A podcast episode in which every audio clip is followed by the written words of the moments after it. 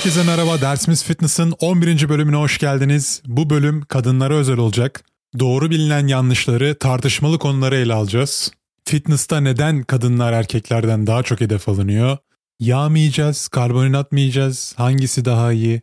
Hamilelikten sonra ne zaman spora dönmemiz gerekiyor? Ketojenik diyetler, aralıklı oruç tutmalar, hayal ettiğin fiziğe ulaşmada kardiyonun yeri. Koşu bandında ya da akıllı saatinde gösterilen yaktığın kalori gerçekten senin için önemli mi? Ağır kilo kaldırınca daha şişman mı görüneceksin? Yağlar kasa dönüşebilir mi? Ağır kilo şişirir, hafif kilo inceltir diye bir şey var mı? Bütün bu konuların hepsini ele aldığımız bu bölüm dersimiz fitness başlıyor. Şimdi kadınlarımız sizin de bildiğiniz gibi tüketici toplumun büyük çoğunluğunu oluşturuyor. Amerika'da tüketici toplumun %85'e yakınının kadın olduğu söyleniyor. Dünya genelinde ise bu rakam %70-80 arasında. Zaten spor salonlarında, özel ders alanlarında %70 ya da daha fazlası kadın üyelerden oluşuyor. Kadınlar sadece fitness endüstrisi tarafından değil aynı zamanda diğer bütün endüstriler tarafından hedef kitle olarak belirlenmiş durumda. Yapılan satış pazarlama taktikleri tamamen kadınların yeteri kadar güzel olmadıkları üzerine kurgulu aslında. Bu makyaj malzemesini kullanırsan daha güzel görüneceksin vaadi. Bu pahalı çantayı takarsan daha değerli hissedeceksin. Bu ürünü kullanırsan daha hızlı kilo vereceksin vesaire vesaire. Bütün bu vaatler kadınların mevcut halleriyle yeterli olmadıklarını ancak onlara teklif edilen şartları kabul ederlerse daha kabul edilebilir hale gelecekleri üzerine kurgulanmış durumda. Tabii bu algı operasyonunda satış ve pazarlamanın çok büyük önemi var. Büyük markalar bu istatistikleri bildikleri için, kadınların tüketim toplumunun büyük çoğunluğunu oluşturduklarını bildikleri için reklamlama stratejilerini tamamen kadınlar üzerine yapıyorlar. Ben vitaminin, mineralin, kreatinin bile sadece kadınlar için olan özel halinin çıktığını gördüm. Bu şekilde pazarlıyorlar. Ya bir kreatin, bir vitamin nasıl kadınlara özel olabilir? Aynı vitamini tamamen aynı fabrikadan çıkan vitamini iki farklı kaba koyarak bir tanesini normal şekilde pazarlıyorlar. Bir tanesini ambalajını sadece kadınlara özel olduğunu, içindekilerin gramajların ona göre ayarlandığını vesaire söyleyerek aslında kadınlara spesifik tasarlanan ürünün daha fazla sattığını görüyorlar. Bu milyon dolarlık şirketler salak değil. Gerçekten yaptıkları yatırımın arkasında ciddi araştırmalar var. Kazançlı olmayacağı bir işin arkasına zaten girmezler. Şimdi bu kadınlarda da var, erkeklerde de var ama hani kadınlarda biraz daha yaygın olarak rastlanılan bir durum. Sosyal medyada fotoğraf paylaşmadan önce fotoğraf ilk önce farklı açılarda çekilir. Daha sonra birkaç tane edit uygulamasından geçirilir. Filtreler uygulanır. En son sosyal medyada paylaşılır. Neden? Çünkü sosyal medyada büyük bir rekabet var. Artık bu aşamalardan geçmeyen fotoğraflar algoritma tarafından bile rağbet görmüyor, etkileşim almıyor. Herkes standartları, trendi yakalama peşinde. Bu standartları, trendi iyi yorumlayan büyük şirketlerde insanların bu hassasiyetlerinden yararlanarak para kazanmaya çalışıyorlar. Ve biz de bu satış pazarlama taktiklerine inanmak istiyoruz çünkü 1-2 yıl boyunca sabırlı bir şekilde, düzenli bir şekilde antrenman yapıp sonuç almayı beklemek hepimize zor geliyor. Ama 30 günde zayıflatan detoks, çay, hap vesaire gibi ürünler gördüğümüzde ister istemez ya tutarsa mantığıyla hani belki bende işe yarar mantığıyla bu satış pazarlama taktiklerinin ağına düşüyoruz biz de. Ve bunu yaparken sosyal kanıtlar da kullanıyorlar. Yani ne influencerlardan destek alıyorlar. Zaten hali hazırda fiziğini belli bir seviyeye getirmiş, topluma rol model olabilecek insanları bulup ürünlerini bu insanlar üzerinden pazarlayıp satış yapıyorlar. Sosyal medyada uzun süre takip ettiğimiz, fiziğini beğendiğimiz, belki antrenman programlarını yaptığımız insanlarla bir süre sonra bir güven ilişkisi kuruyoruz farkında olmadan. Dolayısıyla bu insanların bize önerdiği ürünleri satın alma ihtimalimiz sıradan bir reklamdan gördüğümüz ürünü satın alma ihtimalimizden çok daha yüksek. Zaten benim bu podcast'e başlamamdaki en büyük sebeplerden biri bu. Benim söylemlerimi, benim size verdiğim bilgiyi fiziğimden bağımsız olarak değerlendirin. Burada öğrendiğiniz bilgileri sorgulayın. Ben size elimden geldiği kadar makalelerden, araştırmalardan okuyup, inceleyip, tecrübemin süzgecinden geçirerek bir şeyleri anlatıyorum. Ama hepimiz insanız. Hepimizin yanlış anlayabilme, algılayabilme potansiyeli var. Ben size burada bazı şeyleri vizyonumun, bilgimin, tecrübemin yettiği kadarıyla aktarabiliyorum. Önceden sosyal medyada gördüğüm yanlış saçma sapan bilgilere gülüp geçiyordum. Fakat benim bu gülüp geçtiğim insanlar, saçma sapan konuşuyor dediğim insanlar bugün artık 200 bin, 300 bin takipçi kitlesine ulaştı. ve hitap ettikleri insanları bilerek ya da bilmeyerek yanlış şekilde yönlendiriyorlar. Adam kameranın karşısına geçmiş bir şeyler anlatıyor ama o bilgiyi nereden öğrendiğini kendi de bilmiyor aslında. Spor salonunda birinden duymuş, yok hocası söylemiş, yok internette İngilizceden çeviri bir makale okumuş. Yarım bilgileri birleştirerek yanlış yorumlamalar yaparak dikkat çekme yarışına dönmüş aslında bir nevi sosyal medya artık. Özellikle beni dinleyen genç kardeşlerim, saçma sapan insanların fiziksel görünümlerine aldanarak, tavsiyelerine uyup genç yaşta hormonal dengelerinizi alt üst etmeyin. Steroidden uzak durun. Sabırlı bir şekilde bu kanalda söylediklerimi dinleyip uygularsan zaten kas yapmaman için hiçbir sebep yok. Sana gerekli bütün bilgiyi ücretsiz olarak bu podcast'te vereceğim. Bana bu konuda güvenebilirsin. Ben küçük yaşlardan beri spor salonlarının içinde büyümüş bir insanım. O tarz insanların psikolojisini çok iyi biliyorum. Daha sonradan karşılaştıkları sıkıntıları da çok iyi biliyorum. Genç yaşta hayatını mahvetmek istemiyorsan anlık heveslerle yanlış kararlar alma. Bu konuya detaylı bir şekilde başka bir bölümde değineceğim. Şimdilik sadece böyle kısa bir şekilde geçiyorum. Çünkü dediğim gibi bu bölümde fitness'ta kadınlara söylenen yalanları ele almak istiyorum. Şimdi genel toplumda büyük bir bilgi eksikliği var. İnsanlar sadece karnını doyurmak için yemek yiyor. Ağzından girenin protein mi, karbonhidrat mı, yağ mı onu bile bilmiyor. Hedeflediği amaca ulaşmak için nasıl antrenman yapması gerektiği hakkında hiçbir fikri yok. Temel makro bilgisi, enerji dengeleri bunların hepsi aslında bana kalırsa ilkokulda öğretilmesi gereken bilgiler. Baktığın zaman doğumumuzdan ölümümüze kadar yemek yiyoruz değil mi? E her yediğimiz besin de bizim sağlığımızı direkt etkiliyor, doğrudan etkiliyor. Bu yüzden bu temel makro bilgisi herkesin kesinlikle bilmesi gereken bir konu. Kendini bir şekilde salona atıp direnç antrenmanları kompleks geldiği için, zor geldiği için sadece kardiyo yapan, nasıl besleneceğini tam olarak bilmeyen kadınlarımızın bilgi eksikliğini çözmek için çekiyorum bu bölümü. Her hafta işimden kalan boş vakitlerde ücretsiz olarak sizlerle bildiklerimi paylaşmaya çalışıyorum. Paylaşmaya da devam edeceğim. Çünkü ben insanların arzuladıkları fiziğe ulaşmaları için, bulundukları bedende özgüvenle yaşamaları için ihtiyaç duydukları bilgiye erişmelerinin bedelsiz olması gerektiğini düşünüyorum. Zaten bu insanlar spor salonlarına gitme özgüvenlerini göstererek yeterince büyük bir adım atıyorlar. Bir de araya ekstra bariyerler koymanın bir anlamı yok. Merdiven altı ilaçlarla bala göte vücut yapmış insanların yalan yanlış ucuz tavsiyelerini kendileriyle baş başa bırakın. Günümüzde götüne iğne vuran insan sağlığı üzerinde söz sahibi olur hale gelmiş. Adam sosyal medyaya bir video atmış, birine antrenman yaptırıyor. Videonun da sesini mute yapıp öyle paylaşmış. Yani orada bir şeyler anlatıyor videoda ama ne anlattığı görülmüyor. Altına da işte şey yazmış. Özel ders için iletişime geçin. Ya sen derste dünyanın sırrını mı veriyorsun amına Ne, ne anlatıyorsun yani? Ne anlatıyor olabilirsin bizim bilmediğimiz? Şimdi az olan şey değerlidir değil mi? Yoklukta az olan şey değerli olur. Bu adamların da bilgi bu adamların da bilgi kapasitesi kısıtlı olduğu için kendilerince bilgileri kendilerine çok değerli. Çok fazla bir şey bildiklerini zannediyorlar. Gerçekten bilgili adamlara baktığında bunu paylaşmak için can atar. Çünkü adam artık dolmuştur, taşıyordur. Etrafına ışık tutuyordur. Gerçekten samimiyetle hakim olduğu konu hakkında bilgisini paylaşan hocalara, öğretmenlere, profesörlere bak. Adam ne öğretebilirimin peşinde. Bilgi paylaştıkça çoğalıyor. Toplum olarak ilerlememizin tek yolu bu. Senin zaten kendine saklayacak kadar bilgisi olan adamın bilgisine de ihtiyacın yok. Ne biliyor ki ne paylaşacak seninle. Senin işin zaten yeteri kadar zor. Onlarca yanlış bilginin arasından doğruyu cımbızla çekip insanların ne düşündüğünü, düşüneceğini umursamadan kendinle, fiziğinle barışık bir şekilde spor salonuna kadar geliyorsun. Zaten bu cesareti gösteriyorsun. Ben de sana bundan sonraki süreçte elimden geldiği kadar ne gerekiyorsa bu kanalda yapmaya hazırım. Önceden bu insanların yaptıklarını görünce sessiz kalıyordum. Ama sonradan şunu fark ettim. Yapılan yanlışa sessiz kalmak suç ortağı olmaktan başka bir şey değil. Ben de artık söylemlerimle düzen bozmaya geliyorum. Neyse içimi kustuktan sonra bölümün asıl korusuna geri dönebiliriz. Şimdi kadınlara söylenen yalanlardan ilki diyet türleri. İşte ketojenik diyet yaparsan şöyle zayıflıyorsun, aralıklı oruç tutarsan böyle zayıflıyorsun vesaire. Ve bu diyetlerin her yıl popülaritesi değişiyor.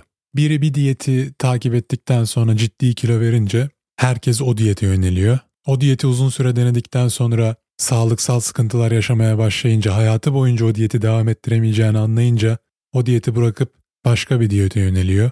Ya da hiç diyet yapmıyor aman diyor psikolojik sıkıntıya giriyor, önüne ne gelirse yiyor. Şimdi sen bu diyetten diyete her atladığında en başta vücudunun hormonal dengesini bozuyorsun. Bir ikincisi bu diyetlerin büyük kısmı ciddi kalori kısıtladığı için bu süreçte kas kaybediyorsun. Kas kaybettiğin için metabolizman yavaşlıyor. Yağ yakman gittikçe daha da zor hale geliyor. Buna yo-yo diyet diyorlar. Sürekli daldan dala atlayan, sürekli farklı diyetler deneyen insanların yaptığı diyet rutinine yo-yo diyet diyorlar. Bu yo-yo diyet sonucunda vücuttaki yağ hücrelerinin sayısı inanılmaz bir şekilde artıyor. Yani sen kaş yapayım derken göz çıkarıyorsun aslında. Ben bu diyetler kötüdür demek istemiyorum. Yanlış anlamayın. Ketojenik diyet çok güzel, sağlıklı bir diyet ama kime göre, neye göre? Aralıklı oruç tutma mükemmel. Ama yine kime göre, neye göre? Bu diyet türlerine bu bölümde çok detaylı girmeyeceğim. Sadece yüzeysel olarak nasıl bir şey olduğundan bahsedip başka bir bölümde tekrar diyetleri teker teker ele almayı düşünüyorum. Mesela ketojenik diyetten bahsedersek nedir ketojenik diyet? Sadece yağ ve çok az protein tüketerek vücudun ketosis olarak adlandırılan metabolik düzene geçmesini sağlayıp yağın vücutta ana enerji kaynağı olarak kullanılmasını desteklemeye çalışıyorsun. Karbonhidrat tüketimi neredeyse sıfıra yakın bu diyette. İlk olarak kanser, epilepsi ve Alzheimer hastalıklarının tedavisi için kullanılıyor bu diyet. Zaten öyle popüler oluyor. Yağı karaciğerde ketonlara dönüştürerek beyin için enerji sağlıyor. Çok fazla böyle bilimsel detaylara girmek istemiyorum. Birkaç farklı ketojenik diyet var aynı zamanda. Tek bir çeşit değil bu. Klasik keto denilen işte %70'i yağ, %20'si protein, %10'u karbonhidrat. Klinik ketojenik diyet var. Bu bahsettiğim hastalıkların tedavisi için 5 gün keto yapıyorsun, 2 gün yüksek karbonhidratlı besleniyorsun falan. Belli bir hedefe yönelik targeted keto denilen bir diyet var. Bunda sadece antrenman öncesi ya da sonrası karbonhidrat alıyorsun. Geri kalan öğünlerinde hiç karbonhidrat almıyorsun. Sadece yağ ve çok az proteinle besleniyorsun. Bir de yüksek protein ketojenik diyeti var. Bunda da yediklerinin %60'ı yağ, %35'i protein, sadece %5'i karbonhidrattan geliyor. Aralıklı oruç tutma denilen olay ne? Bunun da yine birkaç tane türü var. Bir tanesi 16 saatlik periyotta aç bırakıyorsun kendini. Genel olarak akşam 8'de yemeğini bitirmiş oluyorsun. Bir sonraki gün öğlen 12'ye kadar 16 saat aç kalıyorsun. Sadece şekersiz sıvı tüketebilirsin. Bir tanesi bir gün boyunca 24 saat hiçbir şey yemiyorsun vesaire.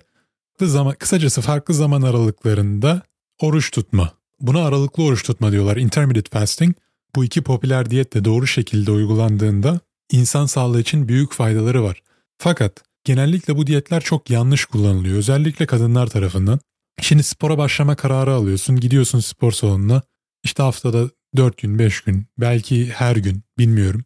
Çok fazla ağırlık kaldırma ile alakalı bilgin olmadığı için gidiyorsun ter atıyorsun koşu bandında. İşte koşu bandı yapıyorsun, spin yapıyorsun, belki zumba derslerine katılıyorsun. Sürekli kardiyovasküler hareketler yapıyorsun. Bir de aynı zamanda bu diyetlerden birini uyguluyorsun. Duydun arkadaşın başarılı bir şekilde kilo vermiş. Şimdi şöyle bir senaryo ortaya çıkıyor. Bu süreçte çok az kalori olarak metabolizmanın bu az kaloriye adapte olmasını sağlıyorsun. Bu metabolizmanı yavaşlatıyor. Metabolizmanı yavaşlattığın yetmiyormuş gibi bir de üzerine her gün saatlerce kardiyo yaparak vücuduna aslında şunu öğretiyorsun. Bak seninle şöyle bir anlaşma yapacağız diyorsun. Ben sana her gün 1000 kalori 1200 kalori vereceğim. Üzerine de her gün bir saat kardiyo yapacağım. Sen de buna göre bütün her şeyini ayarlayacaksın. Bütün giderlerini, masraflarını buna göre ayarlayacaksın diyorsun. Ama bu vücudun aylık masrafı 2000. Sen buna 1200 verirsen nasıl geçinecek bu vücut? Bu sefer de vücudun ne diyor biliyor musun? Tamam abi diyor o zaman. Hani sen sadece bana 1200 veriyorsan o zaman ben de kas bozdururum diyor. Hani köşedeki altınları bozduruyor. Vücudundaki kas kütlesini başlıyor breakdown yapmaya. Buna da atrofi diyorlar. Kas kütleni yavaş yavaş vücudun enerji olarak kullanmaya başlıyor. Çünkü yok vermiyorsun. Besin vermiyorsun vücuda. Ne yapsın vücut? Bir de üzerine hayvan gibi egzersiz yapıyorsun. Ne oluyor peki vücudumuzdaki kas kütlesini kaybettikçe? Omurgan içerilen kaslarını kaybediyorsun, zayıflıyor. Ne oluyor? Omurgan artık eskisi kadar güçlü bir şekilde desteklenemez hale geliyor. Eklem ağrıları çekmeye başlıyorsun, postürün bozuluyor, metabolizman yavaşlıyor çünkü vücudunda kaloriyi absorbe edecek mekanizmayı yani kas kütlesini azaltıyorsun. Kas kütlesi bu noktada gerçekten altına çok benziyor. Mesela ülkelerin de ekonomik değerleri altın rezervlerine göre ölçülür. Bir ülkenin ne kadar fazla altını varsa o kadar zengindir aslında. Senin de aynı şekilde vücudunda ne kadar kas kütlen varsa yediğin kalorileri o kadar absorbe edebilirsin, o kadar sağlıklı bir yaşam sürersin. Ya bu demek değil ki her kasta olan sağlıklı. Yok bu, bu o demek değil. Bu kası nasıl inşa ettiğin önemli, hormonal dengelerin önemli. Bölümün başında bahsettiğim gibi tekrar o konuyu açmak istemiyorum. Saçma sapan şekilde hormonlar kullanarak da hızlı bir şekilde bu kas kütlesini elde etmiş olabilirsin. Şimdi o insan sağlıklı mı? Hayır. Bir de genel olarak kas kütlesinin şöyle bir şey var. Vücudun doğal yollarla sağlıklı bir şekilde kas inşa edebiliyorsa hormonal dengen çok yüksek ihtimalle istenilen seviyededir. Çünkü vücudunun bir şey üretebilmesi için, kas dokusu üretebilmesi için vücudundaki bütün hücrelerin görevini sağlıklı bir şekilde yerine getirebiliyor olması gerekiyor. O yüzden biz antrenmanlarda kaslarımıza direnç uyguladığımızda, direnç antrenmanları yaptığımızda, kas kütlemizi arttırmaya çalıştığımızda aslında vücudumuzun sağlığını da hormonal dengemizi de iyileştirmeye çalışıyoruz aynı zamanda. Vücut hastayken, kendini güvende hissetmiyorken, hormonal dengen bozukken bir şey üretemez, doku inşa edemez. Aynı şekilde kadınlar hamile kalamaz. Kadınların bu noktada üretme yetenekleri mükemmel. Resmen bünyelerinden başka bir insan üretebiliyorlar. Bu kapasiteye sahipler. Harika bir olay bu. Bu yeteneği sağlıklı bir şekilde sürdürmek için de vücudun ihtiyacı olan besinleri, gerekli olan dinlenmeyi uykuyla ve kan dolaşımını, hareketi düzenli olarak sağlamak gerekiyor. Şimdi o en baştaki az yiyen, çeşitli diyetleri değiştirerek takip eden ve çok kardiyo yapan kadın profilinden bahsedecek olursak, bu kadınların adet dönemleri mesela çok zorlu geçer. Enerjileri düşük olur, çeşitli cilt problemleri yaşarlar. Saç dökülmesi gözlenebilir. Uzun vadede tiroid problemleri geliştirebilirler. Yani işte karbonhidrat yemeden, yağ yemeden, protein yemeden. Çünkü bu diyetlerin her biri belli makro besinleri ön plana çıkarıp belli makro besinleri kısıtlıyor. Ama bu makro besinlerin hepsinin vücut için bir görevi var. Yağlar hücreye enerji veriyor, hormonları düzenliyor, karbonhidrat kasa hareket etmesi için gerekli enerjiyi, glikojeni sağlıyor. Protein, amino asit zaten onarımın yapı taşı. Hepsinin bu vücudun sağlıklı bir şekilde fonksiyonlarını sürdürmesinde etkili bir rolü var. Dolayısıyla bu diyetlerle bu denge bilinçsiz bir şekilde bozulduğunda sağlık sıkıntıları baş gösterecektir. Adet dönemleri zorlu geçecektir. Hiçbir kadının adet dönemi zorlu geçmesi gerekmiyor. Böyle bir şey yok. Ben bunu çok duyuyorum çünkü bazı kadınlar benim adet dönemim böyle. Yani bunu kabullenmiş artık. Hayır abicim adet dönemi sancılı, ağrılı, evden çıkamadığın, işe gidemediğin, günlük hayatını etkileyecek bir şekilde olmak zorunda değil. Ben aynı zamanda adet döneminin farkına bile varmayacak şekilde hafif atlatan kadınları da biliyorum.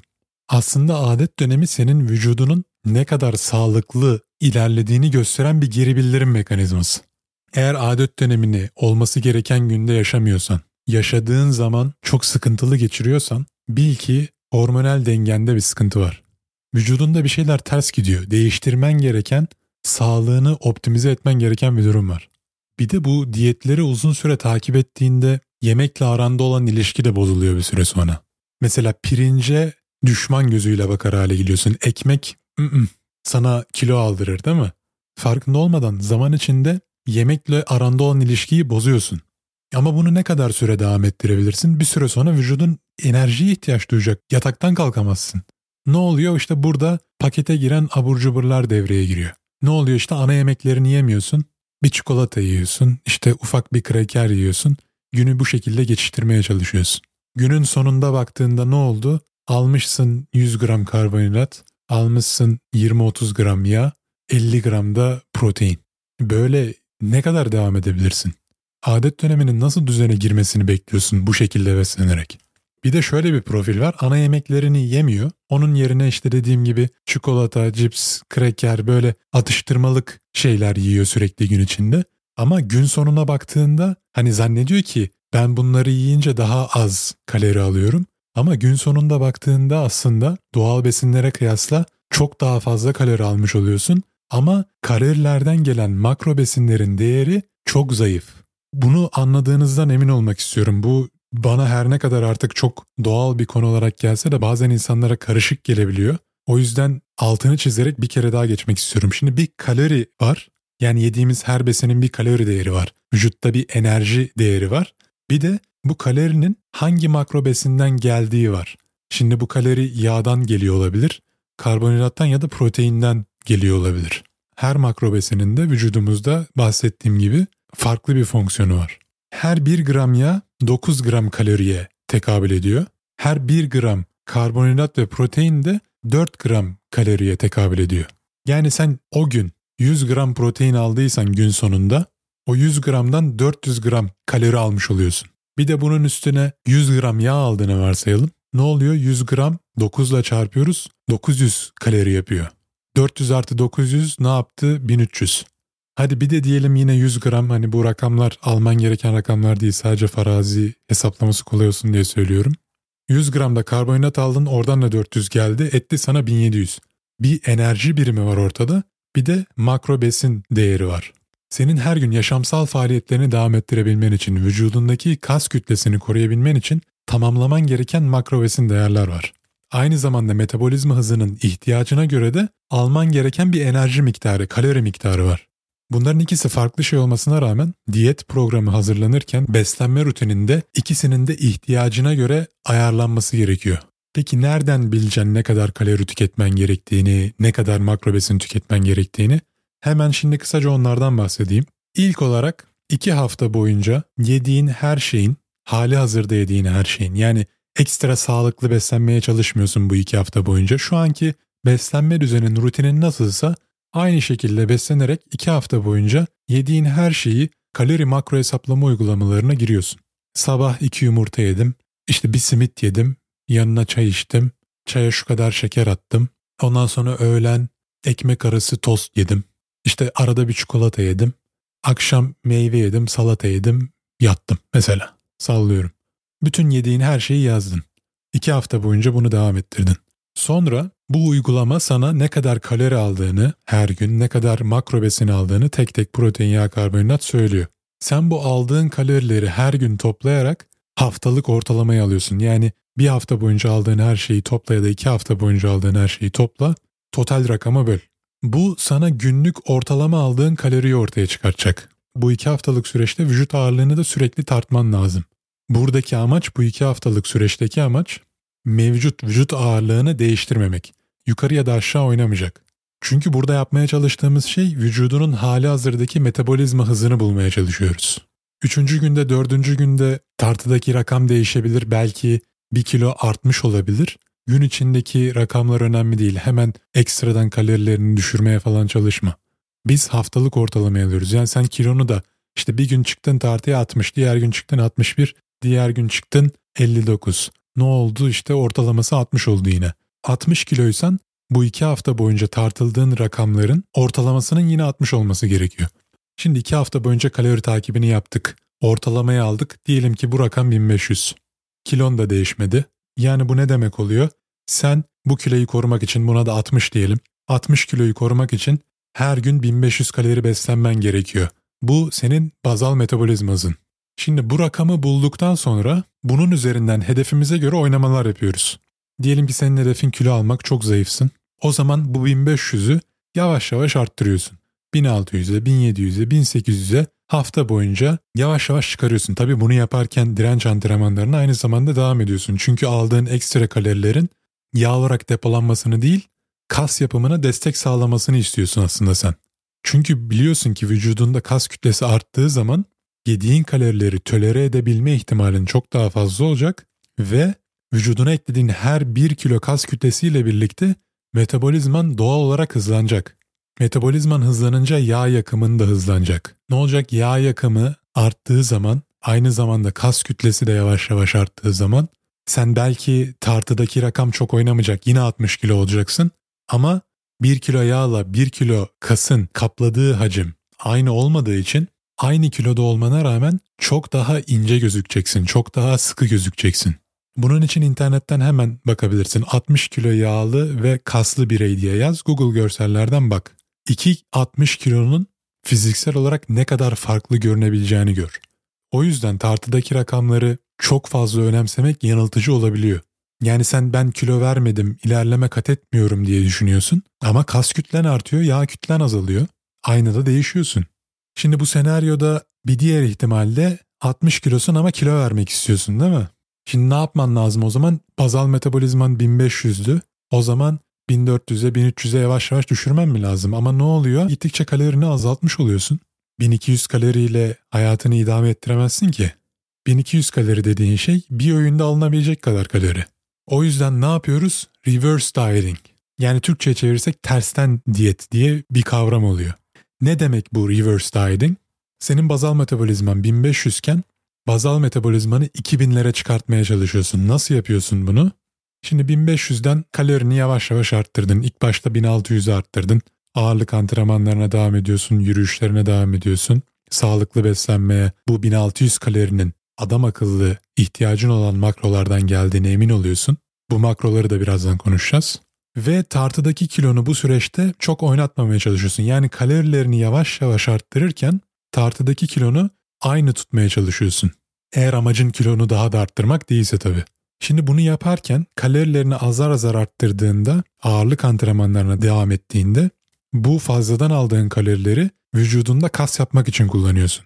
Kas inşa ettiğinde metabolizman hızlanıyor. Yağ yakımın hızlanıyor. Dolayısıyla az önce bahsettiğim 60 kiloda yağlı bir bireyden 60 kiloda kaslı bir bireye doğru dönüşmeye başlıyorsun. Burada yağlar kasa dönüşmüyor. Yağ ve kas dokusu birbirinden ayrı farklı dokular. Piyasada dolaşan bir diğer yanlış bilgi de bu. Yağları kasa dönüştürüyorum. Hayır, yağ farklı bir doku, kas farklı bir doku. Kas yağ, yağ kasa dönüşmez. Sen kas yaptıkça vücudun yağ enerji olarak kullanarak vücudunda yakar. Sen hareket etmedikçe, fazla beslendikçe vücudun yağ kütlesini arttırmaya başlar. Ve bu süreçte hareket etmiyorsan, yeteri kadar protein almıyorsan da mevcut kas kütlen kaybolmaya başlar. Zaten hızlı bir şekilde kilo veren insanların büyük kısmı 3x yağ kaybediyorsa 10x kas kaybediyor. Çünkü yağ o kadar hızlı kaybedilen bir şey değil. O kadar hızlı vücudun metabolize edemiyor yağ. Ne oluyor? Altın rezervlerinden kullanmış oluyorsun hızlı bir şekilde kilo verince. Ve vücudunda kaybettiğin her bir kilo kas senin daha da kolay yağlanmana sebep oluyor. Metabolizmanı yavaşlatıyor. Peki kilo verirken kas kaybetmememiz için ne yapmamız lazım? Kas kütlesine tutunmamız lazım. Nedir bu sinyal? Bir, yüksek proteinle besleneceksin.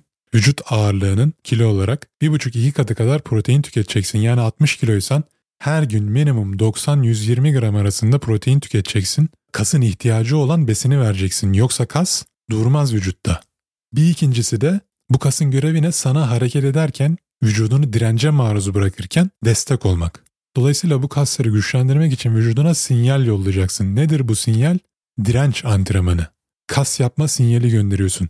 Kaslarını belli miktarda dirence maruz bırakıyorsun. Şimdi bu noktada kişinin vücuduna uygulayacağı direnç antrenmanı kas kütlesine, fiziksel aktivite seviyesine, yaşına göre değişir. Mesela 60-70 yaşında bir kadın için vücut ağırlığıyla squat yapmak bir direnç antrenmanı olabilir. Çünkü onun için yeterli bir dirençtir o. Hali hazırdaki kas kütlesini zorlayıp geliştirebilmesi için yeterli bir sinyaldir vücut ağırlığıyla yaptığı squat. Ama sen 30 yaşında sağlığı yerinde normal kilolarda bir kadınsan büyük ihtimalle vücut ağırlığında yaptığın squat senin için yeterli bir direnç olmayacaktır. Ne olacak? Sen de bu squat'a biraz ağırlık ekleyeceksin. Sırtına bar alarak üzerine yavaş yavaş her hafta ağırlıklarını düzgün formda arttırarak kasına yolladığın sinyali, adaptasyonu güçlendireceksin. Aslında bu vücudunda bir enerji talebi yaratıyor. Sen bu talebi yarattıkça yediğin besinleri metabolize etmen çok daha kolay olacak. Şimdi makro besinlerden en önemli olanı protein. Ne dedik? Kilonun 1,5-2 katı kadar protein aldın. Bu ne yapıyordu? 60 kilo bir birey için 90-120 gram protein yapıyor. Neydi 1 gram proteinin kalori değeri? 4. Yani bu da 360-480 kalori arası bir şey yapıyor. Geriye kalan makro besin değerlerini de bunun üzerinden ayarlıyorsun. Vücut ağırlığın kadar yağ tükettiğini düşünelim. 60 kilosun. 1 gram yağın kalorisi 9'du. Dolayısıyla 6 kere 9 540 kalori de yağdan gelmiş oldu. Metabolizma hızına göre kalori ihtiyacını bulmuştun. Bu rakamdan protein ve yağ çıkarttığında geri kalan rakamda senin karbonhidrat değerin oluyor. Şimdi antrenman yaptığın günlerde karbonhidratı biraz daha fazla alabilirsin. Sana enerji vermesi açısından çünkü kasın temel enerji kaynağı glikojen karbonhidrattan gelir. Antrenman yapmadığın böyle biraz daha sedanter takıldığın, evin içinde takıldığın günlerde, çok hareket etmediğin günlerde karbonhidrat alımını düşür, yağ alımını arttır, protein alımını arttır. Zaten proteini ben 90-120 arası diyorum ama bu minimum değer. Protein yemek çok zor zaten göreceksin yemeye çalıştığında. Yapabiliyorsan önceliğin proteini arttırabildiğin kadar arttır. Bazı insanlarda proteini çok fazla arttırdıklarında vücutlarında sivilcelenme vesaire oluyor ama bu nadir ve çok fazla yediğinde oluyor. Zaten bu sana bahsettiğim kilonun bir buçuk iki katı güvenli rakam arasında. Eğer proteinin senin üzerinde böyle bir etkisi yoksa yiyebildiğin kadar protein ye, metabolizma hızına göre geri kalanları da yağ ve karbonhidrattan ayarla. Dediğim gibi antrenman yapacağın zaman karbonhidrata biraz daha yüklen, yağ düşür. Antrenman yapmadığın zaman, hareketsiz kalacağın zamanlarda yağ biraz arttır, karbonhidratı düşür şeklinde. Şimdi ben burada 60 kiloluk bir birey üzerinden anlattım ama obez bir insandan bahsediyorsak alman gereken protein miktarı hedeflediğin yani ideal olman gereken kilo miktarının bir buçuk iki katı olacak. Diyelim sen 100 kilosun ama olman gereken kilo 70 kilo 30 kilo fazlan var. O zaman 70 kilo üzerinden hesapla bu bir buçuk iki kiloyu. Şimdi kısaca sağlıklı yağ, protein ve karbonhidrat kaynaklarından bahsedecek olursak karbonhidratı baklagillerden, meyve ve sebzeden alabilirsin. Özellikle meyve ve sebzede lif oranı çok yüksek olacağı için senin sindirimine de yardımcı olacak. Sindirim sıkıntısı çekiyorsan meyve ve sebzeyi diyetinde yer vermeni öneririm. Protein kaynakları özellikle hayvansal proteinler olması gerekiyor. Yumurta, balık, kırmızı et, tavuk, yoğurt, peynir vesaire gibi. Sağlıklı yağ kaynakları da zeytinyağı, avokado, kokonat yağı, badem, ceviz gibi sağlıklı yağların bulunduğu çerezler. Aynı zamanda hayvansal proteinden gelen yağlar, yumurtanın sarısından gelen yağ, tavuktan, balıktan, etten gelen yağ sağlıklı yağ kategorisine girer. Amacımız yaşadığımız hayattan keyif almak. Kalorilerini çok fazla düşürdüğünde, metabolizmanı yavaşlattığında her gün yiyebildiğin besin miktarı ciddi anlamda azalacak. Biraz fazla yediğinde kilo almaya başlayacaksın. O yüzden bizim temel amacımız metabolizmamızı hızlandırmak, kas kütlemizi hızlandırmak, yediğimiz besinlerden hayattan keyif almak. Şimdi bir de sağlıklı beslenme her zaman işte bu bahsettiğim çerçevede beslenme demek değil. Her zaman işte hayvansal protein tüketmem gerekiyor. Bu bu bu sağlıklı yağlar almam gerekiyor. Sadece temiz proteinler beslenmem gerekiyor. Değil. Yemeğin psikolojik etkisi de var bizim üzerimizde. Kültürel olarak eşine dostuna gittiğinde, ailecek toplandığında hamur işleri yapılıyor, yağda kızartmalar yapılıyor. Birçok sağlıksız yemek yapılıyor. Ama bizim çocukluktan gelen bu besinlerle bir duygusal bağımız olduğu için eşimizle, dostumuzla, ailemizle, arkadaşlarımızla paylaşarak yediğimiz bu yemekler kağıt üstünde sağlıksız olsa da psikolojik olarak bize iyi geleceği için belirli ölçü çerçevesinde aslında bizim için sağlıklı olacaktır. Sağlık her zaman biyolojik olarak değerlendirilmez aynı zamanda yemeğin psikolojik etkisini de göz önünde bulundurmak gerekiyor. Özel günlerde kendini kısıtlamadan istediğini yiyip içtiğinde hem de antrenmanını yapıp yeri geldiğinde temiz ve sağlıklı beslenmeyi, rutinine geri dönmeyi bildiğinde bu yaşam boyu sürdürülebilir sağlıklı bir ilişki haline gelecek. Kendini cezalandırmak için antrenman yapmak, gediklerini kısıtlamak, antrenman ve beslenmeyle olan arandaki ilişkiyi olumsuz yönde etkileyecek. Aynı şekilde özellikle bu erkeklerde çok görülüyor. Bulk yapmak için daha da fazla kas kütlesini arttırmak için force feeding denilen yani zorla ağzından yemek tıkıp kusacak seviyeye gelene kadar yemek yemeye çalışan, kendini zorlayan insanlar da yine aynı şekilde yemekle sağlıklı olmayan bir ilişki geliştiriyorlar. Bu ilişkilerin hiçbiri uzun vadede sürdürülebilir olmayacak. Ağzımızdan giren her besin kanımızdaki pH seviyesini değiştiriyor. Mesela çok fazla yağlı şeyler yediğinde ya da alkol tükettiğinde kanın daha asidik hale geliyor. İlkokuldan hatırladığınız kadarıyla neydi? Asidik bazik 0 ile 7 arası asidik, 7 ile 14 arası bazik. 7 nötr. Bizim kanımızın pH derecesi 7.4 yani biraz daha bazik tarafta yer alıyor. Ve kanımızdaki pH derecesi 6.8'in altına indiğinde ya da 7.8'in yukarısına çıktığında hayati risk taşıyor. Bu yüzden tek oturuşta hayvan gibi yediğinde her zaman bunu aklının bir köşesinde tut. Sen vücudunun sindirimini zorladıkça kanındaki pH derecesini yediğin besinin çeşidine bağlı olarak değiştiriyorsun. Asidik ya da bazık hale getiriyorsun. pH dediğimiz şey de power of hydrogen. Yani vücudundaki hidrojen iyonlarının dengesini değiştirmiş oluyorsun. Vücudundaki pH derecesi değiştiğinde modun doğrudan etkileniyor. Daha agresif, daha mutlu, daha sakin, daha yorgun olabiliyorsun pH derecen değiştiğinde. Şimdi bu bölümde bahsetmek istediğim bir diğer konu hamilelikten ne kadar sonra spora geri dönmesi gerekiyor kadınların. Öncelikle hamilelik kadınların vücudunda inanılmaz bir stres oluşturan zorlu bir süreç. Aylarca vücudunda bir canlı büyütüyorsun. Duygusal olarak dengelerin sürekli değişiyor, hormonal dengelerin sürekli değişiyor. İster istemez bu süreçte kilo alıyorsun, psikolojik olarak bedeninle olan ilişki değişebilir. Kendini beğenmemeye başlayabilirsin. Çok normal. Bu noktada her hamilelik de birbirinden farklı olabilir. Kişinin genetiğine, fizyolojik yapısına göre aynı zamanda kaçıncı çocuk doğurduğun da önemli. Her çocuk doğurduğunda onun psikolojisini daha iyi kontrol edebilir hale geliyorsun. Fakat aynı zamanda her çocuk doğurduğunda vücudun daha da yıprandığı için hamilelik sonrası toparlanma biraz daha zor hale geliyor. Bu süreçte gerçekleşen her şey aslında senin bebeğini sağlıklı bir şekilde dünyaya getirebilmek için getirdikten sonra onu besleyecek, ona hayat verecek, sütü verebilmen için olması gereken şekilde ilerliyor. Şimdi bu süreçten sonra doğum yaptıktan sonra bazı kadınlar hemen egzersize geri dönmek istiyorlar. Tabii nasıl doğum yaptığı da önemli. Sezaryenle mi, normal doğum mu vesaire.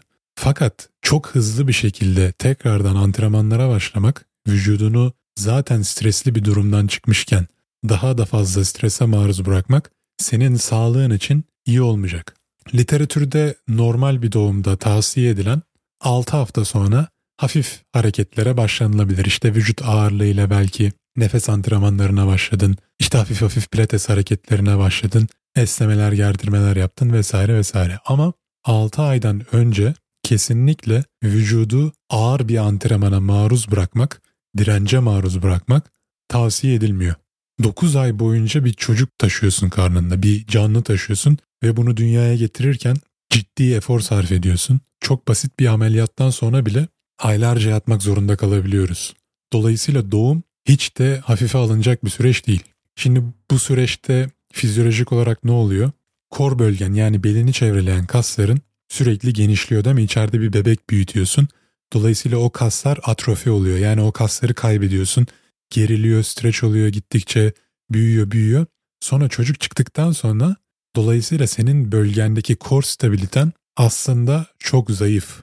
Bütün kaslarını kaybettin kor bölgende. Tekrardan eski karın kuvvetine ulaşabilmen için vücudunu maruz bıraktığın stresi yavaş yavaş kademeli olarak arttırman gerekiyor ve kor antrenmanlarını özellikle antrenmanlarında ciddi bir şekilde yer vermen gerekiyor.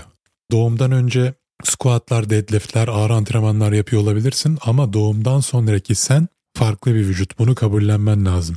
Tekrardan doğumdan sonra gidip aynı ağırlıkları ya da aynı antrenmanları ağırlıkları düşürerek bile olsa hemen yapmaya çalışırsan kor stabiliten olmayacağı için belini çevreleyen kasların stabilizasyonunu gücünü kaybettiğin için omurgan desteklenmeyeceği için ciddi sakatlıklarla sonuçlanabilir. Özellikle ağır kaldırırken antrenmanda sürekli tuvalete gitme, işeme ihtiyacı hissediyorsan bu pelvik kaslarının, pelvik floor kasları, pelvik taban kasları diye çevriliyor Türkçe'ye. Çok zayıf olduğunu gösterir. Nerede bu kas grubu? Pelvik floor anüsten başlayan yani kuyruk kemiğinden başlayan ve kadınlarda vajinaya kadar erkeklerde penise kadar uzanan bacak arasında bulunan küçük bir kas grubu. Köprü görevi görüyor bir nevi. Bu kas idrar kesesinin vajinanın bağırsakların kasılmasında rol alıyor. Mesela çişini yaparken kendini sıkıp tuttuğunda, çişini tuttuğunda o kas devreye girdiği için çişin duruyor. Ya da işte osuracağın zaman kendini tuttuğunda, sıktığında o kas devreye giriyor. Şimdi doğumdan sonra kadınların pelvik floor kasları yok denecek kadar azalıyor. Çünkü ne oldu? Oradan çocuk çıktı. Bütün kaslar atrofi oldu zaman içinde. Şimdi peki nasıl güçlendireceğiz bu kasları? Birkaç hareketten, basit hareketten bahsetmek istiyorum. Özellikle hamilelik sonrası kadınlar için. Şimdi yere sırt üstü yattın, dizlerini büktün. Bu pozisyondayken nefesini tamamen boşalttın. Karın kaslarını, göbek deliğini özellikle aşağı doğru bastırarak belindeki boşluğu alarak sıktın ve pelvik kasını hissetmeye çalış. Neredeydi bacak aranda bulunan o kası, ince köprü şeklindeki kası. Bunu Google görsellere yazıp oradan da bakabilirsin. nasıl göründüğüne bakasın. 2-3 saniye sıktıktan sonra nefes aldın, rahatladın, tekrar devam ediyorsun. Bunu bu şekilde 10 tekrar yapabilirsin. Pelvic floor kasındaki kasılma ve gevşemeyi her tekrarda hissetmeye çalış. Bu hareketi biraz daha zorlaştırmak istiyorsan oturarak, biraz daha zorlaştırmak istiyorsan ayakta yapabilirsin. Her gün 2-3 set 10 tekrar yapabileceğin, set aralarında 30 saniye dinlenebileceğin güvenli bir hareket. Şimdi bir diğer hareket. Yine yere sırt üstü yattın, belindeki boşluğu aldın, dizlerini büktün ilk pozisyondaki gibi.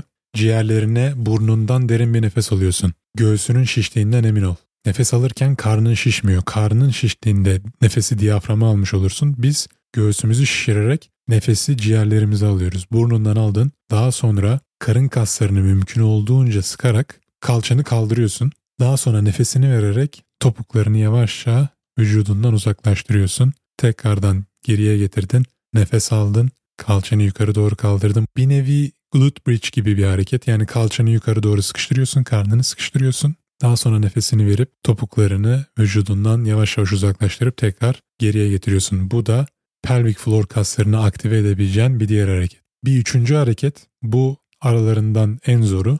Aynı pozisyondasın yine sırt üstü yere yattın. Kalçanı yine yukarı doğru kaldırdın sıkıştırdın kalçanı. Karnın sıkı, dizlerin bükük aynı pozisyon. Bu sefer tek ayağını dimdik yukarı kaldırıyorsun. indiriyorsun. Diğer ayağını dimdik yukarı kaldırıyorsun. indiriyorsun. Buna da böyle yürüyüş yapıyormuş gibi düşün. Her ayağını kaldırdığında 2 saniye 3 saniye kasıp bacağını bekle. Sonra bacak değiştir. Kalçan bu hareketi yaparken sürekli kasılı, karnın kasılı ve kalçan yere değmiyor. Yukarı doğru kaldırdın. Kor kasları pelvik kaslarından her ne kadar ayrı olsa da karın kasların, kor kasların güçlendikçe pelvik kaslarını aktive etmen daha da kolay olacak. Bu süreçte güvensiz hissetmen, aceleci davranman, bir an önce aldığın fazladan 15-20 kiloyu vermek istemen çok normal. Fakat çocuğun olduktan sonra artık kendinden daha büyük, daha önemli bir sorumluluğun var. O da onu en sağlıklı şekilde büyütüp beslemek. Bu yüzden kendine yeterli zamanı ver. Hamilelikten sonra toparlanmana müsaade et. Minimum 6 ay fakat benim önerdiğim süre 9-10 ay. 9-10 ay sonra ama tabii bu 9-10 aylık süreçte sadece yat hiçbir şey yapma demiyorum. Nefes antrenmanları yapabilirsin, esnetme gerdirmelerini yapabilirsin, bu pelvic floor core hareketlerini yapabilirsin, hafif pilates tarzında hareketler yapabilirsin. Kendini hazır hissettiğinde tekrar antrenman yapmaya hazır olduğunda bu 9-10 aylık süreç dediğim gibi eski rutinine dönebilirsin.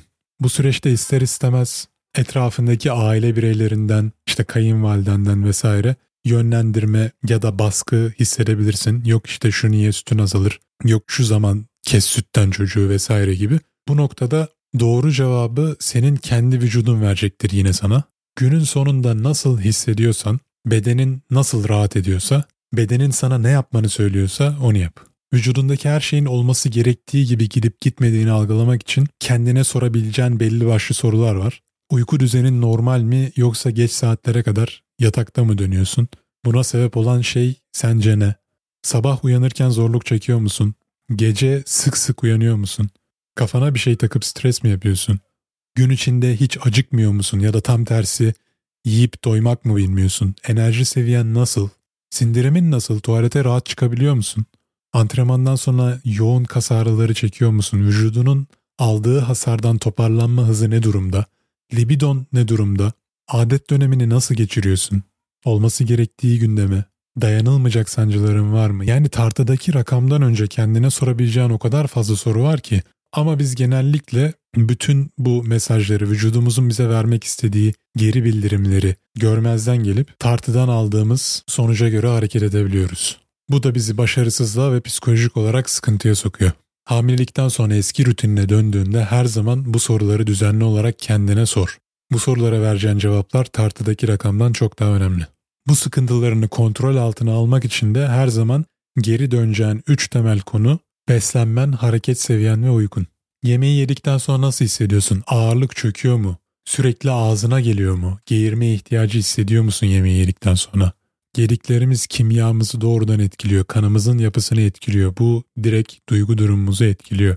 İkinci temel konu gün içindeki hareket seviyen. Kan dolaşımını öyle ya da böyle bir şekilde hızlandırman gerekiyor. Kaslarını belli günlerde dirence maruz bırakman gerekiyor. Direnç görmeyen kaslar atrofi olmaya, erimeye, yok olmaya mahkum. İç organlarının sağlıklı bir şekilde fonksiyonlarını sürdürebilmeleri için kanındaki oksijen miktarının artması şart. Vücutta fazladan depoladığın yağın yakımını, enerji olarak kullanımını desteklemesi için oksijen şart. Oksijen yakıcı bir madde. Vücudundaki yağ hücrelerine bağlanarak oksitlenme sonucu yağı enerjiye çeviriyor vücudunda. Kalp ve iç organ sağlığının uzun ömürlü olabilmesi için kan basıncının düzenlenmesi, beynine giden kan ve oksijen akışının daha aktif olması, düşüncelerinin kalitesinin artması için hareket etmen şart. Üçüncü temel konu uyku. Vücudun her gün belli bir saatte kendiliğinden yorularak uyuyup belli bir saatte kendiliğinden uyanması gerekiyor. Diğer bir tabirle circadian rhythm yani biyolojik saat mükemmel bir şekilde çalışması gerekiyor vücutta. Gece uykun gelmiyorsa yatakta yuvarlanıyorsan 3 konuya dikkat et. Birincisi öğlen saat 2'den sonra kafein tüketme. Gece yatmadan yaklaşık 2 saat önce yemek yemeyi kes, vücudunu sindirimle meşgul etme. Bir diğeri yoğun ışığa maruz kalmamaya çalış. Kalıyorsan da mutlaka mavi ışık filtreleyici gözlükler kullan.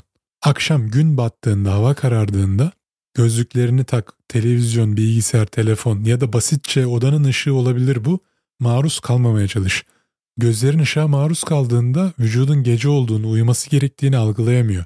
Yine bununla bağlantılı olarak sabah kalkar kalkmaz gün ışığına en az 3-5 dakika çıplak gözle bakmaya çalış.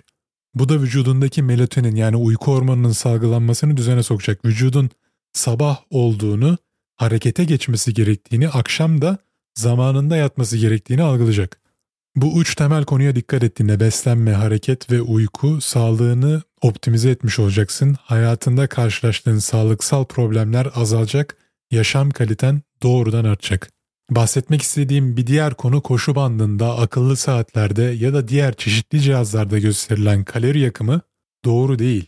Bu da bir diğer satış ve pazarlama taktiği. Koşu bantları, kardiyovasküler spor salonu ekipmanları ilk çıktığında bu özelliği entegre ettiler. İnsanlar ne kadar kalori yaktığını gördükçe daha fazla vakit geçirmeye başladı koşu bantlarının, eliptiklerin, spin bike'ların üzerinde. Fakat bu rakamlar doğru değil. Ya bir kere zaten o koşu bandına ben çıksam da aynı rakam çıkıyor. Sen çıksan da mantıken aynı rakam çıkıyor. Ama biz iki farklı biriz. Benim kas kütlem senden çok farklı, seninki benden çok farklı. Cinsiyetin belki farklı, yaşın farklı. Yani oradaki rakamlar tamamen şişirme, ortalama rakamlar. Onlara bakarak diyet programınızda değişiklikler yapmayın. Ya bu rakamlar doğru gösterse bile senin fitness ve sağlıklı yaşama bakış açın yaktığın kaloriyle kısıtlı olmaması gerekiyor. Metabolizma hızın vücudunun ihtiyaçları günden güne değişiklik gösterebilir. Sen dışarıdan aldığın tartıdan kalori ölçme cihazlarından aldığın geri bildirimleri bir kenara bırak, içeriden gelen mesajlara kulak ver. Az önce sana bahsettiğim soruları sor kendine. Asıl çözüm böyle gelecek. Bir diğer konu ağır kaldırırsam şişerim, büyürüm, erkeksi görünürüm, daha da kilolu görünürüm vesaire. Şimdi en başta ne demiştim? Kas kütlesi ve yağ dokusu birbirinden iki farklı dokular. Sen ağırlık antrenmanı yaptığında yağ dokusunun altında bulunan kas kütlesi su toplayarak hacmi genişliyor. Hacmi genişleyince ne oluyor? Yağ kütlesini daha da dışarı itiyor. Sen de zannediyorsun ki ben daha da yağlandım, daha da şiştim vesaire. Hayır, kas kütlen su topladı. Sen uzun bir süre derindeki incelmeyi göremiyorsun. Ağırlık kaldırmaya devam et.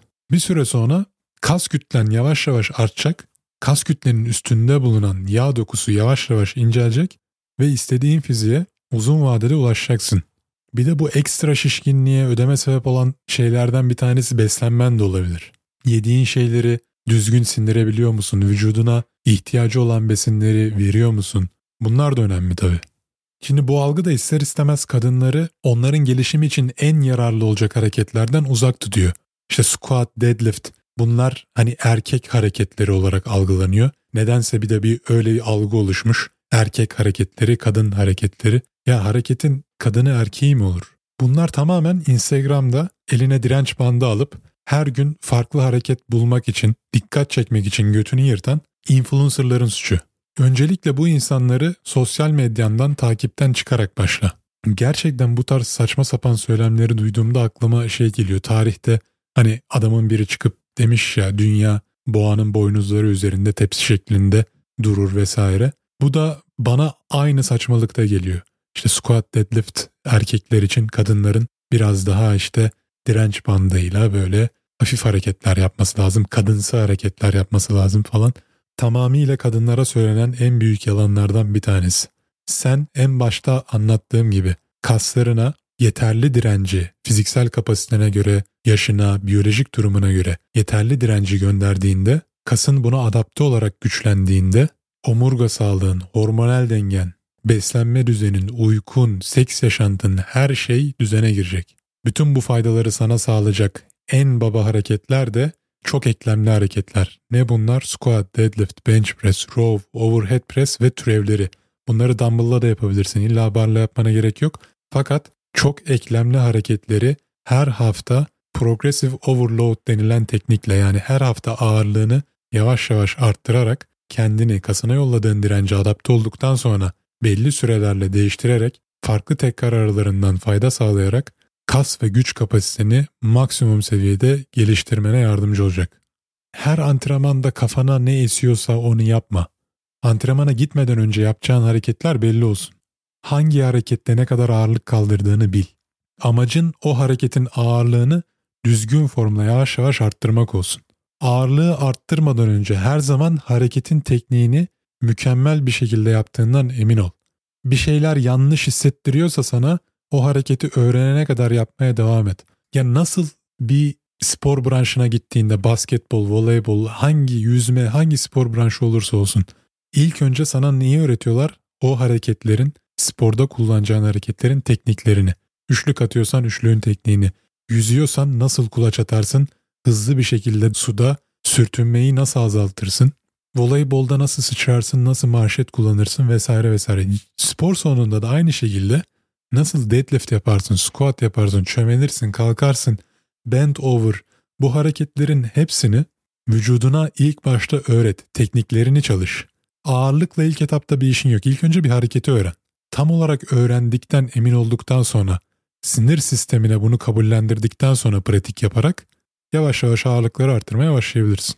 Bu noktada sihirli bir program yok. Senin programın yanlış, benim programım doğru vesaire gibi tartışmalara gerek yok. Belli kurallar dahilinde yapılan her program seni hedefine ulaştıracaktır.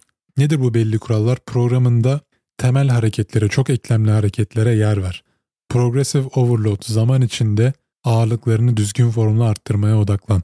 Her tekrar aralığından fayda sağla. 3 ila 6 hafta arasında bir tekrar aralığını yaptıktan sonra adaptasyon gerçekleştikten sonra tekrar aralığını değiştir. Tekrar aralıkları neyi belirliyor? Kaldırdığımız ağırlığı belirliyor. Yüksek tekrar yapınca daha düşük ağırlıklar kaldırıyorsun. Düşük tekrar yapınca daha yüksek ağırlıklar kaldırıyorsun. Amacın her hareketten sonra kollarını kaldıramayacak hale gelmek değil. Kaslarını tükenişe zorlamıyorsun her antrenmanda. İdeal olanı her zaman tükenişten önce depoda iki tekrar bırakmak. Yani squat mı yapıyorsun? Hedeflediğin tekrar aralığı 12 ile 15 arasında mı? Daha fazla squat yapamaz hale gelmeden iki tekrar önce hareketi bitir. Antrenmanlarının güvenli, eğlenceli ve sürdürülebilir olması için bu şekilde olması gerekiyor. Sen bir olimpiyat sporcusu ya da profesyonel bir atlet değilsin. Kaslarını tükenişe kadar zorlamak ortalama insanlar için programlamayı nasıl yapacaklarını tam olarak bilmedikleri için kas gelişimlerini olumsuz yönde etkiliyor. Bu konu çok uzun. Ayrı bir bölümde ele almak istiyorum. Antrenman programlaması, tükenişe ulaşma tekrarlar vesaire. Bu bölüm zaten yeteri kadar uzadı. Daha fazla uzatmadan, zamanınızı çok almadan sizi salıyorum. Arkadaşlar YouTube çok güzel gidiyor. Yazdığınız olumlu yorumlar için, destekleriniz için hepinize çok teşekkür ediyorum. Kanal büyüdükçe ben de vaktimi ayırıp daha fazla içerik üretmeye devam edeceğim. Zaman bu hayattaki en değerli varlık. Kimsenin zamanını çalmak istemem. Zamanımın çalınmasından da hiç hoşlanmam. Burada değerli zamanınızı ayırıp bir saat beni dinliyorsanız benim size bu bir saatte mutlaka bir şeyler öğretmem gerekiyor. Ki her bölümde de size farklı bir bakış açısı kattığımı düşünüyorum. YouTube'da izlediğin boş videolar gibi hiçbir zaman clickbait yapıp sana kapakta, başlıkta bir şey vaat edip içeride boş muhabbet hiçbir zaman yapmayacağım. Her bölümü izlediğinde mutlaka bakış açına bir şeyler katmak, sana bir şeyler öğretmek istiyorum. Temel gayem, amacım bu. Türkiye Spotify'da hızla büyüyoruz. Değerli yorumlarınızı görüyorum Spotify'dan. Daha da motive oluyorum. daha fazla vaktimi ayırmak istiyorum. Bölüm dinlenme sayılarımız hızla artıyor. Eşinize, dostunuza, sevdiklerinize bu podcast'i tavsiye etmeyi ihmal etmeyin. Hepinizi seviyorum. Bir sonraki bölümde görüşmek üzere arkadaşlar.